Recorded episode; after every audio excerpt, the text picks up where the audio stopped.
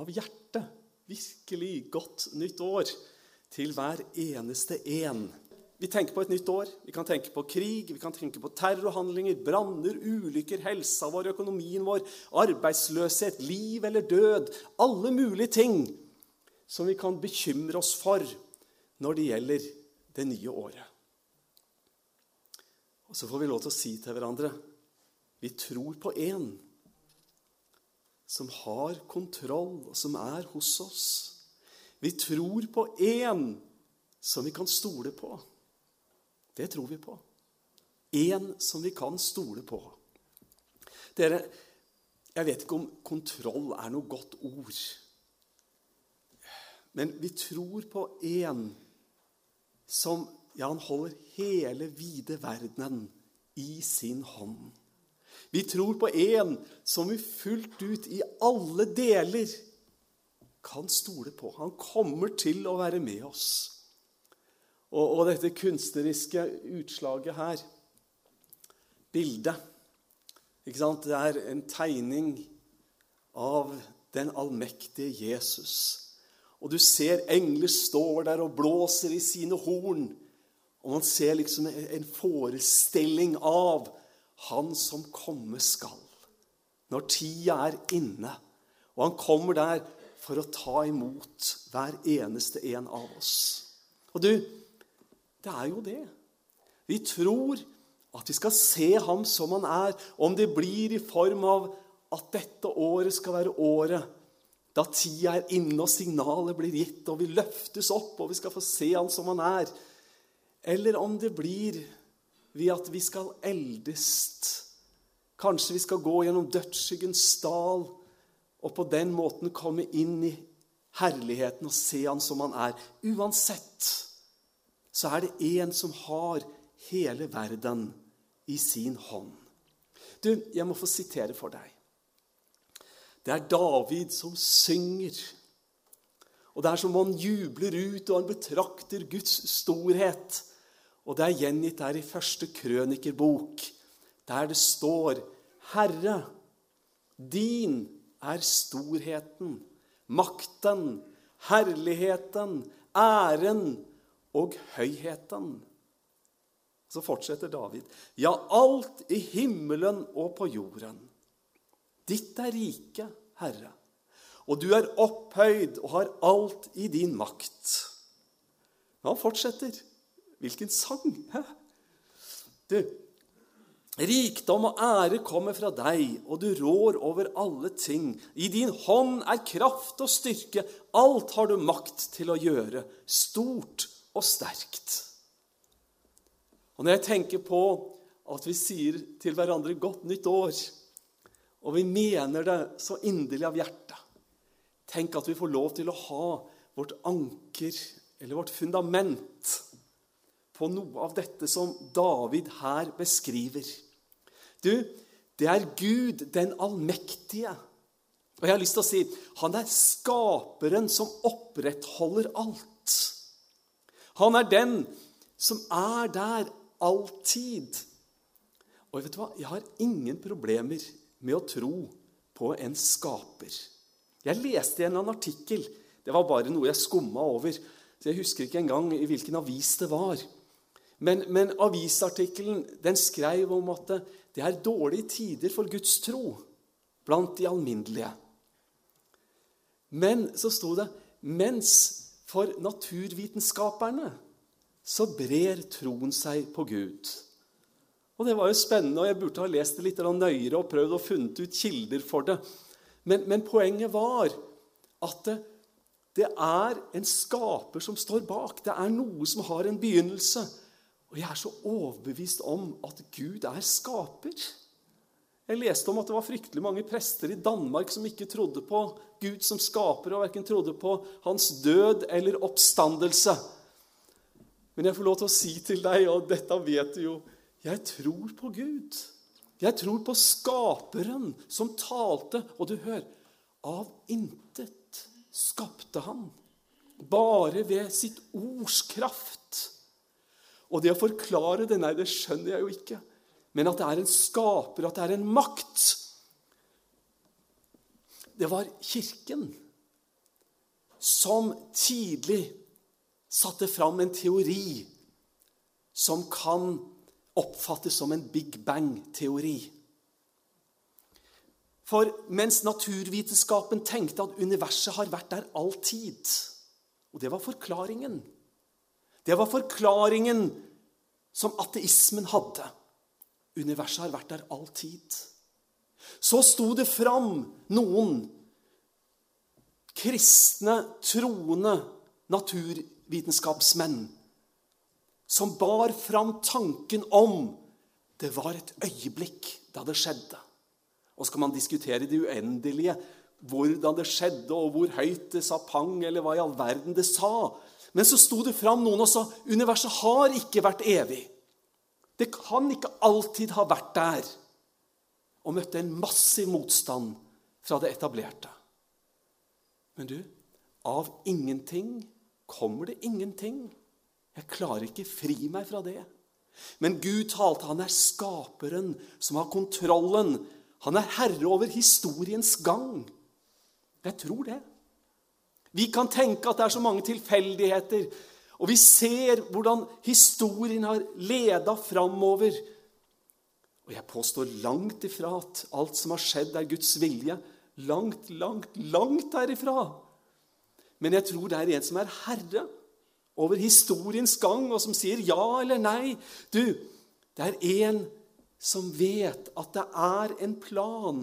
Og når historien på en måte går mot et klimaks, så er det en som har en plan. En tanke med ditt og mitt liv. Den allmektige, han som har makt til å gjøre stort og smått. Og så ser vi på oss selv som en motpol. Ja, forstå hva jeg mener.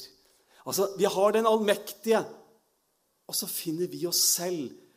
Og vi bestemmer så lite.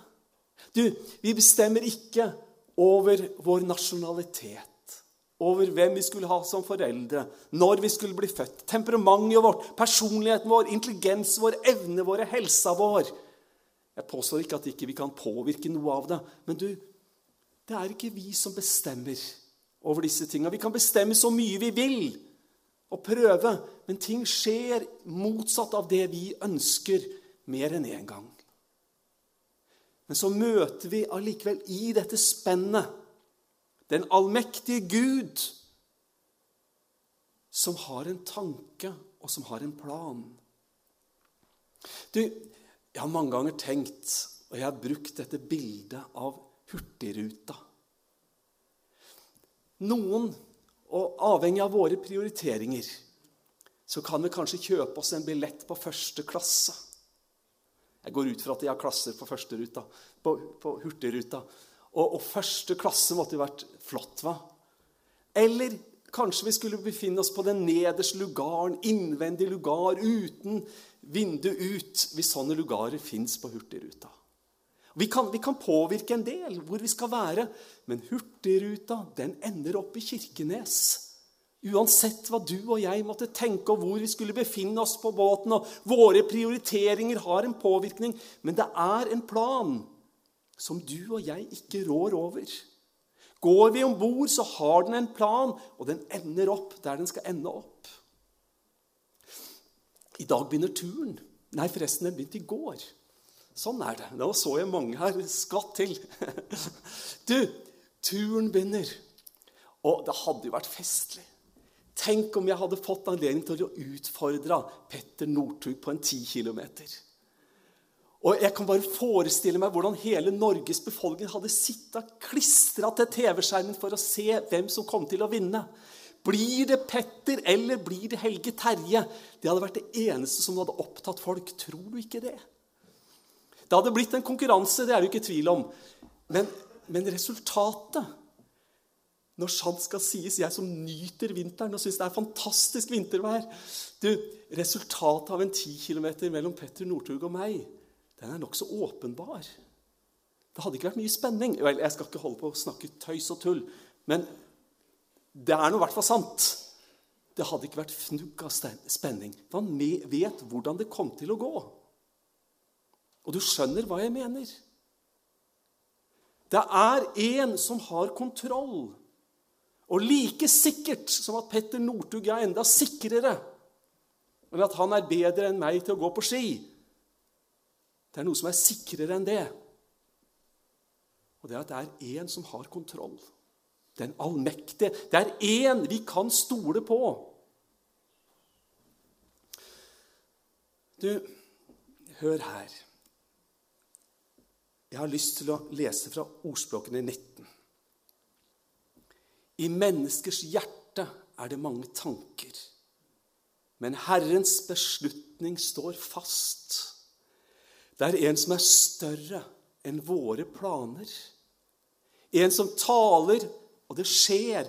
Det er ingen begrensning for hva han kan gjøre. Og uansett hva vi måtte tenke, så er det sånn at det er én som er den allmektige. La meg sitere for deg fra ordspråkene 16,9. I hjertet planlegger mannen sin ferd, men Herren styrer hans gang. Og videre fra ordspråkene Overlat hele ditt verk til Herren, så skal dine planer lykkes. Altså, Vi står overfor den allmektige, og så har vi våre planer. Så er han så mye større enn det. Men så går det an å få lov til å komme og innvie våre tanker, våre planer. Ja, dette året som ligger foran oss. Vi, vi kan få lov til å innvide og oppleve at han vil velsigne. Du, det er en bønn. Og når du ser illustrasjonen som jeg har valgt, så skjønner du at, at jeg har gjort meg noen refleksjoner. Gud, velsign det jeg gjør. Jeg merker at det er så nærliggende for meg å be den bønnen. Men så tenker jeg av og til kanskje det kan være like bra å be Gud, la meg gjøre det du velsigner. Istedenfor å forvente og be om at Gud skal bare komme og velsigne mine tanker, mine ideer, som ofte kan være så egosentriske og så mye dreier seg om meg og mitt og mine og mine begrensninger. Tenk å få lov til å si, kjære Gud, Sett meg i stand og gi meg et hørsomt øre, slik at jeg kan gjøre det som du ønsker å velsigne. Jeg tror det kan være en bønn. For livet det har større mening enn bare våre tanker. Større enn hva da? Altså våre kortsiktige, litt egosentriske tanker. Det som, det som dreier seg om meg og mitt. Vet du hva? Livet har en større mening enn å oppfylle det. Og året 2015 har en større utfordring til oss enn å bare oppfylle våre egne ønsker som dreier seg om meg og mitt og mine. Vet du hva? Av og til syns jeg det er så mye smått. Dessverre i meg selv, men også i andre. Når jeg hører enkelte politikere som argumenterer og jeg merker, synes jeg så tydelig, at det er ikke alltid saken som de er opptatt av, men det er å vinne diskusjonen. Det er å prøve å vinne noen stemmer. Og så bruker de all sin argumentasjon i den sammenhengen bare for å prøve å komme best mulig ut akkurat der og da. Jeg skal vel ikke bebreide dem, for det er vel noe av sånn systemet vårt er. Men jeg syns det blir så smått av og til. Og det som er kanskje verre, man kan se noe av det samme i seg selv og i de sammenhenger som betyr mer enn bare det som har med dette jordiske å gjøre. Må Gud hjelpe oss. Du, jeg tenker at det, det er viktig å tenke at ingenting møter oss uten at Gud tillater det. For Gud, han har en større mening og livet har en større mening enn å bare tenke på oss sjøl. Ehm, jeg vet jo, og jeg sa det jo akkurat, la meg si det en gang til, at eh, jeg tror ikke at alt som skjer, er Guds vilje. Jeg tror ikke det. Men tenk på allikevel La la la meg nevne et par-tre ting. Tenk på når Paulus sitter i fengsel. Så skriver han mesteparten av brevlitteraturen som vi har i Det nye testamentet. Han kunne tenkt 'Å, jeg skulle ha vært fri'. Jeg skulle ha besøkt den plassen og den plassen og den plassen. Men så er han nå i fengsel og tilbringer årevis uten sin frihet. Og han skriver. Han følger opp. Jeg tror ikke at jeg skal si at det var Guds vilje, at det var sånn Gud hadde villet at mennesker skulle gjøre. Men jeg tror det er én som er mektig til å vende alle ting til det gode. Hvis vi tenker på Moses, kunne ikke Gud ha gjort det sånn at eh, farao straks hadde svart ja? La mitt folk gå. Ja, selvfølgelig. Men så får farao vise hva som bor i ham. Så får Gud vise hva som bor i ham. Og så ser vi at det er én som har kontroll. Hvis vi skal tenke på det mest grunnleggende av alt Jesus sa at han kunne ha bedt sin far om engler, ja, legioner av dem. Så Gud kunne ha stoppet det som skjedde. Men så var det noe om en oppstandelse på andre sida. En visshet om at det er en som har en større mening. Og Gud fører det fram. Eh, jeg vil så gjerne sitere for deg. Det er Peter som skriver. Og Peter han skriver om det som vi kaller en prøvet tro. Kanskje det har noe relevans i forbindelse med at vi starter på et nytt år. Peter han skriver derfor kan dere juble av glede, selv om dere, må, selv om dere nå en kort tid, om så må være, har det tungt i mange slags prøvelser. Slik blir troen deres prøvd. Selv forgjengelig gull blir prøvet i ild. Du, troen som er mye mer verdt, må også prøves, så den kan bli til pris og herlighet og ære for dere når Jesus Kristus åpenbarer seg. En prøvet tro. Du, Josef, Josef han opplevde han opplevde å bli lurt av sine brødre, solgt som slave, anklaga for voldtekt, uskyldig fengsla, glemt av de som lovte å hjelpe ham. Og jeg kunne ha lista opp mer. For en skjebne, ville noen av oss sagt. Men livet har en større mening. Og vi leser i slutten av første Mosebok, når vi ser på denne meningsløse lista så husker du kanskje hvordan Josef sier det. Dere tenkte å gjøre ondt mot meg, men Gud tenkte det til det gode. For han ville gjøre det som nå er hendt, å berge mange menneskeliv. Det er jo ikke alltid at vi får fasiten så tydelig. Og Jeg skulle ønske at alt hadde vært sånn, men det er ikke det. Men kan vi ikke få lov til å glede oss over fasiten når vi nå får lov til å se den? Altså, Det var ikke tilfeldig, og det var ikke Gud som var fraværende. Det var ikke Gud som hadde glemt Josef, men han var der. Og han hadde en plan, og han hadde en tanke. Livet til Josef hadde en større mening enn aldri å møte motgang, aldri å møte smerte aldri å møte fortvilelse og aldri å møte spørsmål. Livet til Josef hadde en større mening. Og jeg tror livene våre har en større mening. Og Noen ganger så ser vi fasiten så tydelig, andre ganger så er det ikke det. Problemene om det er hva som er hensikten og, og når, når, jeg har lyst til å si at jeg tror at alt har en hensikt, at Gud er med på alt, så har jeg lyst til å si til deg at det, egentlig så er det trosutsagn fra min side. For jeg klarer ikke se det alltid. Og eh, fortellingen som Ivar fortalte om, om forfølgelse og mishandling Jeg kan ikke si at jeg ser noen mening i det i det hele tatt. Jeg kjenner ikke noen liksom, inni meg til å takke Gud for det som har skjedd. Men jeg kjenner en sterk overbevisning i hjertet mitt for å si, kjære Gud, takk for at du var med. Takk for at deres liv var i din hånd.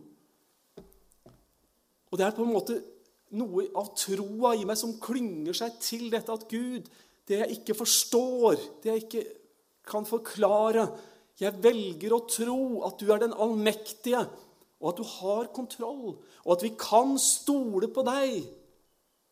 Og Det er noe av troens svakhet, men noe av troens styrke. La meg lese for deg fra det som står i 2. Korinterbrev. De trengslene vi må bære, vi nå må bære, er lette. Og de skaper for oss en evig rikdom av herlighet som veier uendelig mye mer. Vet du hva? Dette er Guds ord. Og jeg, jeg har lyst til å si det, ta det til deg som en oppmuntring. Ikke, For Gud sitter aldri høyt der oppe og taler ned til oss der nede. Han er den som løfter oss opp og er hos oss, og som taler dette inn i våre hjerter. Og Det fortsetter jo også her fra 2. Korinterne kapittel 4. For, for, etter at Paulus har skrevet dette, de trengslene vi nå må bære, er lette, og de skaper for oss en evig rikdom av herlighet som veier uendelig mye mer, så fortsetter han. Og Paulus han skriver vi har ikke det synlige for øyet, men det usynlige. For det synlige tar slutt. Det usynlige er evig. Det er det perspektivet som Paulus setter det i. og Det er det perspektivet som du og jeg får lov til å prøve å på en måte gripe. Med troens utstrakte armer så tar vi imot ordet som både trøst, oppmuntring og veiledning. Så i det, når vi tenker at jo, det er av og til en pris å betale Det er av og til noe på en måte det koster. Men så får vi ha det usynlig for øyet, det som varer ved. Og så tenkte jeg i den sammenhengen hvor viktig det er at vi ikke blir trette av å gjøre det gode. Sånn som Arvid siterte helt innledningsvis. Du vet, Vi mister ikke motet. Og så står det i Galaterne 6.: La oss ikke bli trette mens vi gjør det gode. Når tiden er inne, skal vi høste. Bare vi ikke gir opp. Så tok jeg det flotte bildet fra Kisomo, fra helseklinikken, som vi får lov til å engasjere oss i og være med å realisere. Vi, vi, vi vet at det kommer en høst. La meg, la meg ta Paulus som et lite eksempel. Paulus skriver i Romerne 8.: Men i alt dette vinner vi mere, mer enn seier ved Ham som elsket oss. Og Så fortsetter han å skrive. Så skriver Paulus.: For jeg er viss på at verken død eller liv, verken engler eller krefter, verken det som nå er, eller det som kommer, eller noen makt, verken det som er i det høye eller det dype, eller noen annen skapning, skal kunne skille oss fra Guds kjærlighet i Kristus Jesus, vår Herre. Det er et bibelord jeg elsker. Jeg leser det i nesten alle begravelser jeg har. Kanskje alle, men det kan være at det er noen unntak. Men det bibelordet, det vil jeg lese. Også i den sammenhenger. Vi er viss på at ingenting kan skille oss, verken død eller liv. Du, det er ingenting, for det er én vi kan stole på. Ingenting kan skille oss fra hans kjærlighet, og vi får lov til å møte ham i bønn. For Gud er større enn våre tanker, og han er større enn våre meninger. Og du, våre bønner, de når hjem til Gud. Jeg har lyst til å si det til deg ved innledningen av dette året. Det er noen som ser nedlatende på det å be. Det er noen som vil si at det er noen psykologiske greier. Det Kan være det hjelper litt som terapi. Det er noen som vil si at det, de kommer ikke lenger enn til takplatene over hodet. Du kaster bort tida di. Det er så noen som sier at man ikke eh, At man ikke kan høre Guds stemme. Men så tenker jeg at bønn, det er noe som rører ved virkeligheten.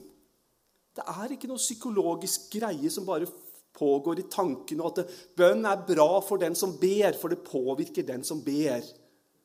Jeg tror bønn er noe mer enn det. Du Jeg fikk en e-post, jeg hadde nær sagt Jeg tror det var i går eller natt til i dag, eller når det var. Hei. Godt nytt år. Jeg lurte på om dere kunne ta med ei lita jente på seks måneder i bønn på møtet vårt i dag. Hun har blitt alvorlig syk, har fått påvist hjertefeil, må opereres, har fått lungebetennelse, er veldig syk. Har vært på sykehuset mange dager. Veldig fint hvis dere hadde bedt for henne. Det var kortversjonen av det som sto der. Hva er dette for noe? Altså, For meg tok det noen få sekunder å lese. Men hva slags nød ligger i dette lille brevet her? Og vedkommende som sendte denne, en av våre medlemmer, lurte på kan dere som menighet være med å be for denne jenta på seks måneder. Sånn som jeg oppfatter den, den mailen, så er hun veldig alvorlig syk. Så er det noen som tenker kanskje det kan hjelpe. Nei, det var litt svakt sagt. Så er det noen som tenker det vil hjelpe om menigheten vil være med og be. Jeg sender inn en, en mail og spør om forbønn. Og vet du hva? Jeg tror bønn hjelper. Jeg ba for noen for ikke lenge siden. Og, og, vedkommende hadde det så vanskelig, det var så mange bekymringer og fikk ikke sove. Og så ble nok bønnen veldig enkel, for jeg ba jo om at Gud skulle være med og hjelpe. Og så ba jeg så spesielt, kjære Gud, la, la vedkommende få sove i natt. Sove godt og finne hvile og krefter. Og så fikk jeg en mail en, dagen etterpå, tror jeg det var, hvor vedkommende sa 'Jeg har sovet så godt i natt'.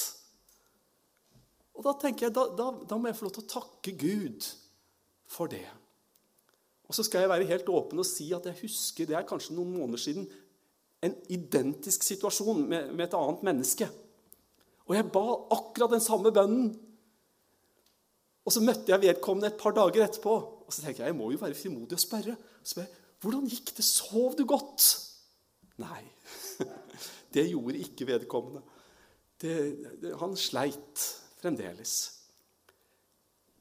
Og dette er jeg så glad for at dette skal ikke jeg på noen måte prøve å forklare for deg. Ikke i det hele tatt. Men jeg kommer til å fortsette å be. Det må du også gjøre. Og så legger vi det over på Guds i, i, i Guds favn. Men jeg tror at det, det hjelper å be. Dere, jeg, jeg, skal si noe mer. Kan vi ikke be for den der jenta på seks måneder akkurat nå? med, med hjertefeil, lungebetennelse og, og, alvorlig operasjon. Vi forener oss i bønn. Kjære Far i himmelen. Herre, hun som du elsker, er sjuk. Du som åpna favna di for de små når du var her nede. Takk for at denne lille skatten er i dine armer. Og vi ber om det som vi tror er best. Vi ber om helbredelse. Vi ber om at din helbredende kraft skal være over henne. Takk, Herre, for at du hører vår bønn. Å, Herre Jesus, takk for at du vet om familien, du vet om hvem de er, du vet hvordan de har det. Og Vi ønsker bare å omslutte de, Herre. Å, Herre, omslutte du. Vær nær hos de, i kraft og styrke og ro og fred. Så takker vi deg for at vi har fått lagt dette i dine hender nå. I Jesu navn. Amen.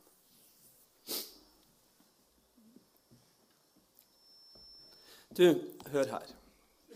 Han som virker i oss med sin kraft, og han kan gjøre uendelig mye mer enn det vi ber om og forstår. Det er jeg så glad for. Jeg er veldig bevisst at jeg tror ikke at jeg alltid klarer å be med de riktige ord og formulere det sånn og sånn og sånn. Men det bekymrer meg, det bekymrer meg lite. For jeg tror Gud er så mye større enn at min famling etter riktige ord begrenser Han. Jeg vet du hva, Det tror jeg ikke på. Jeg tror han er større enn som så. Han som virker i oss med sin kraft og kan gjøre uendelig mye mer enn det vi ber om og forstår. Det vil jeg tro på. Og det tror jeg på av hele mitt hjerte. Du, kjære medvandrer. Gud, han er større enn våre planer.